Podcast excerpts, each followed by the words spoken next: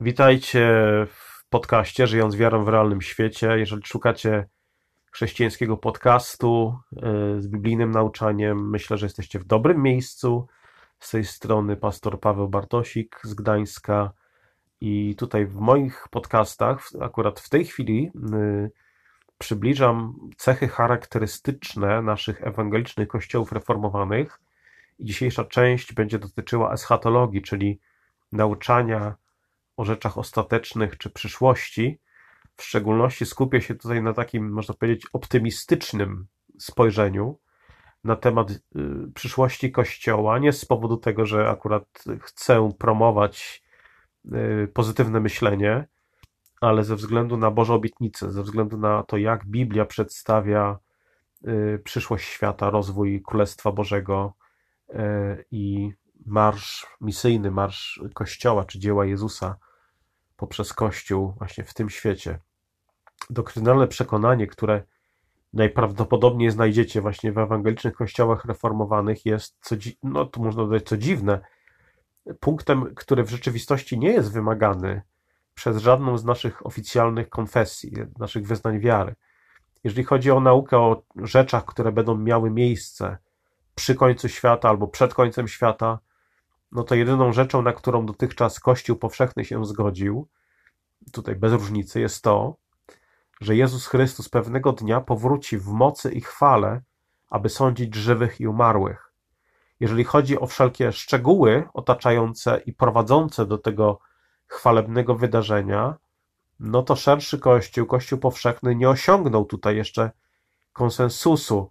Niektóre denominacje są premilenijnymi dyspensacjonalistami, niektóre są historycznymi premilenistami, inne są amilenistami i tak dalej.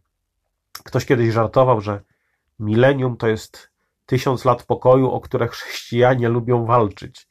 Milenium to tysiąc lat pokoju, o które chrześcijanie lubią walczyć, lubią się kłócić i dyskutować, jak to będzie wyglądało. I chociaż nie jest to doktrynalnym wymogiem naszych ewangelicznych kościołów reformowanych, no to nasi pastorzy i przywódcy kościelni są w przeważającej mierze tak zwanymi postmilenistami. Jest to raczej rzadko spotykane doktrynalne stanowisko we współczesnych czasach, ale był taki okres w historii kościołów reformowanych, kiedy było ono o wiele bardziej powszechne. Po prostu w ten sposób wracamy do naszych historycznych korzeni. W ogólnym zarysie oznacza to, iż wierzymy, że głoszenie Ewangelii na świecie będzie ze wszechmiar potężne i skuteczne, a jego owocem będą narody przychodzące do Chrystusa, aby być jego uczniami.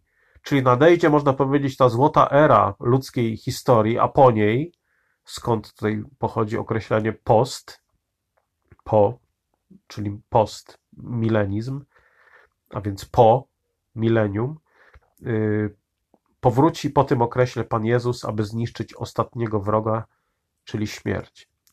Jeżeli nie jesteś przyzwyczajony do tego rodzaju rzeczy, a wiążesz się w jakiś sposób z ewangelicznym kościołem reformowanym albo przychodzisz na nasze nabożeństwa, do jednego z naszych kościołów, no to po pewnym czasie przyzwyczaisz się po prostu do optymizmu.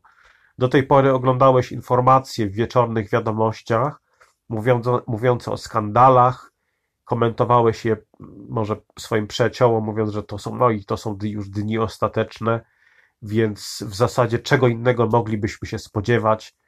No ale teraz masz przyjaciół, którzy mówią ci, że źli ludzie nie będą wiecznie trwać w tym swoim szaleństwie i wkrótce nadejdzie czas, abyśmy, jak, abyśmy ruszyli naprzód. I wierzymy w Boże błogosławieństwo, jeśli chodzi o sianie, głoszenie Ewangelii. Wierzymy, że Bóg będzie błogosławił tym wysiłkom Kościoła, mimo ciężkich czasów, mimo prześladowań. Jak wiemy, Kościół najprężniej rozwijał się właśnie w trudnych czasach, w okresie prześladowań, kiedy chrześcijanie gromadzili się gdzieś w katakumbach, w ukryciu. Także, jak wspomniałem, to nie jest jakiś doktrynalny wymóg dla przywódców naszych wspólnot, a tym bardziej dla członków Kościoła, ale można powiedzieć, że eschatologia, nazwijmy ją nadziei, stała się znaczną częścią kultury naszych kościołów.